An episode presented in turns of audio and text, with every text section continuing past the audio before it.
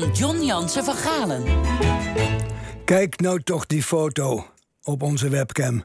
Zo jong, zo vrolijk, zo goed lachs. Daisy Delano Bouterse een halve eeuw geleden te Steenwijk. Ster van de basketbalclub, fameus danser, keukenprins van de pindasoep. Hardloper die met een estafetteloop van 440 kilometer 8000 gulden bijeenbracht voor kankerbestrijding, geven voor leven. En die als bijverdienste in Duitsland colporteert met encyclopedieën en schuine blaadjes. Je zou hem zo in je armen sluiten. Wat is er met die jongen gebeurd? Toen hij tien jaar later met zijn kornuiten de macht greep, wandelde ik op Martinique. De eindredacteur van de Haagse Post belde staatsgreep in Suriname, subiet daarheen.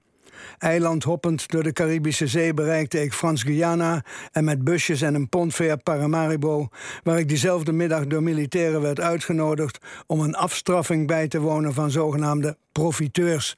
Ze lagen in hun onderbroek op een gazon en werden afgeranseld. Daar begon de verwording. Maar vergis u niet, Nederland was blij met Bouterse, al wil niemand dat nu mee horen.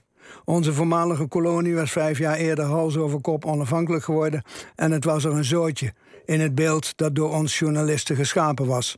Het Surinaamse parlement stond bekend als Circus Stupido en er werd op grote schaal bauxiet geëxploreerd, dat over een peperduur spoor van niks naar nergens vervoerd zou worden en waarvoor geen afzetmarkt was.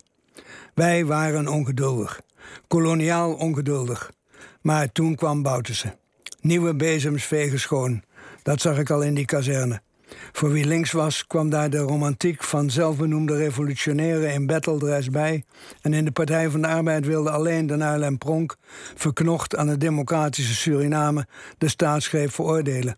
Maar hun partijgenoten en de meeste Nederlanders gunden Bouterse het voordeel van de twijfel. Het kabinet van Acht schonk zijn regime 500 miljoen.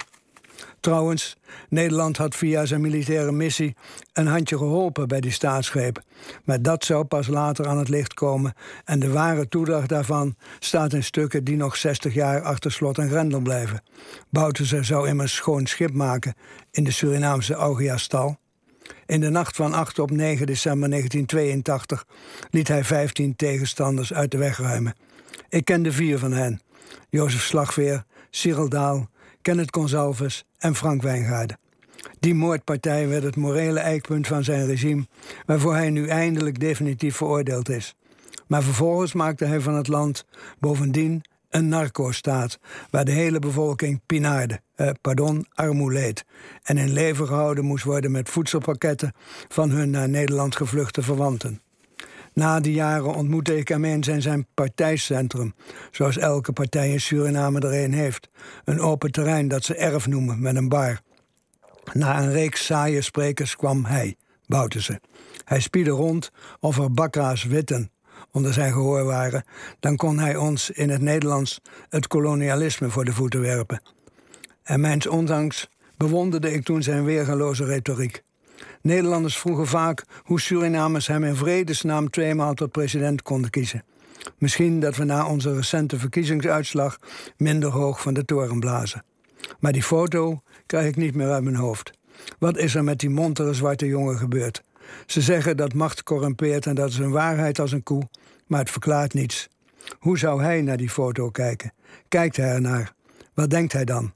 Denkt hij iets? Is 20 jaar gevangenisstraf toereikend voor zelfinzicht?